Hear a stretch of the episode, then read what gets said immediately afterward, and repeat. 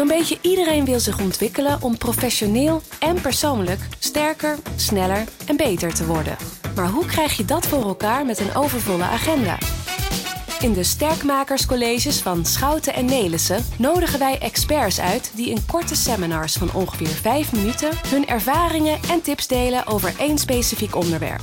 Van adviezen over time management, persoonlijk leiderschap en organisatieontwikkeling tot uitleg over begrippen als assertiviteit, vitaliteit of persoonlijke effectiviteit. Wat is het en wat zijn de tips waar je meteen mee aan de slag kan? Sport verbindt. Nooit is Nederland zo eensgezind als bij de finale van het WK voetbal.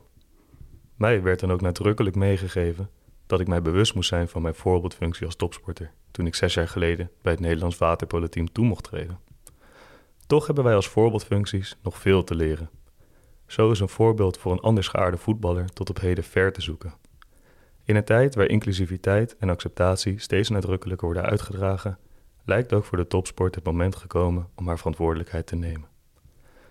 Mijn naam is Joto Spijker. Ik ben 23 jaar oud en studeer bedrijfskunde aan de Hogeschool Utrecht. Naast mijn academische carrière maakte ik de afgelopen jaren ook deel uit van het Nederlands waterpolo-team, waar ik in totaal ongeveer vijf jaar als keeper voor uit heb mogen komen. Het onderwerp dat ik aan wil snijden ligt mij dan ook na aan het hart. Als topsporter en ook vooral als mens. Ik wil graag iets delen over inclusiviteit in de topsport.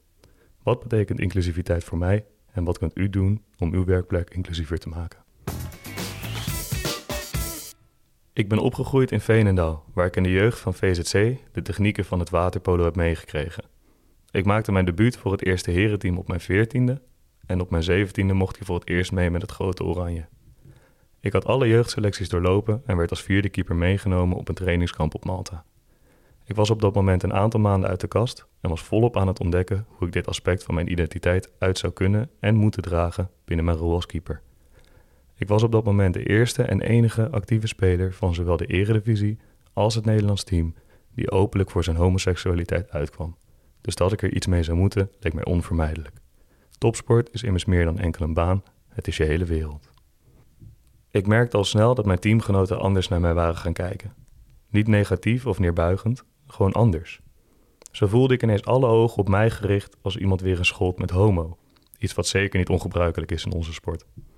Toen een van mijn coaches ooit tijdens de training aangesproken werd op het feit dat hij zei dat wij speelden als een stelletje homo's, reageerde hij: nee, nee, ik bedoelde mentale homo's. En ondanks dat ik dit een uiterst humoristische reactie vind, legt deze wel een deel van het probleem weer. De intenties mogen dan goed zijn, het begrip is echter bij vlagen ver te zoeken. De praktijken, zoals men in het voetbal ziet, bestaan bij ons gelukkig niet. Ik hoef niet bang te zijn voor radicale supporters voor mijn deur of spreekhoren langs de kant. Ik heb daarom ook vol begrip voor het feit dat nog geen voetballer deze stap heeft genomen. Ik geloof echter dat deze reacties voortvloeien uit hetzelfde probleem waar mijn teamgenoten tegenaan liepen: onwetendheid. Inclusie komt vanuit begrip. Inclusie zonder begrip is enkel tolerantie. Om inclusiviteit te bereiken zul je daarom verder moeten gaan dan zeggen dat de onderlinge verschillen niet uitmaken. Een inclusieve omgeving stelt je in staat om deze verschillen juist uit te dragen om zo gezamenlijk een breder perspectief te creëren. Dit is dan ook waar de topsport nog veel te leren heeft. Denk eens aan al het potentiële talent dat verloren gaat omdat spelers afhaken door een tekort aan inclusiviteit.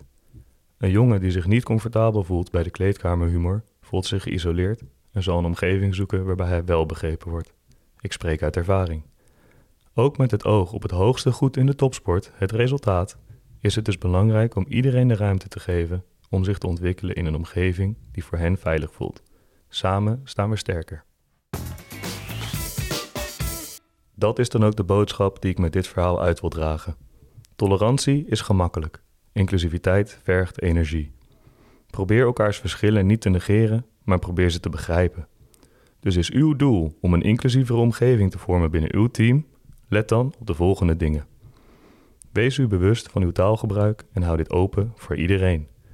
Ga niet automatisch uit van een bepaalde geaardheid of afkomst, maar geef mensen de ruimte om dit deel van hen met de rest te delen.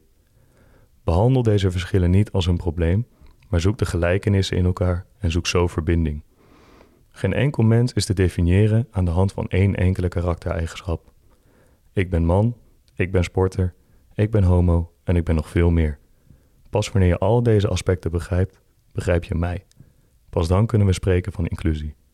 Mijn naam is Jota Spijker. Bedankt voor uw aandacht. Bedankt voor het luisteren naar de Sterkmakerscolleges. Hopelijk heb je er nieuwe inzichten door gekregen. Maar echt sterker word je door wat met deze inzichten te doen. Dus waar wacht je op? Ga aan de slag. Kijk voor meer informatie op sn.nl slash sterkmakers-podcast. En vergeet ons niet te volgen op Instagram en LinkedIn. sterkmakers.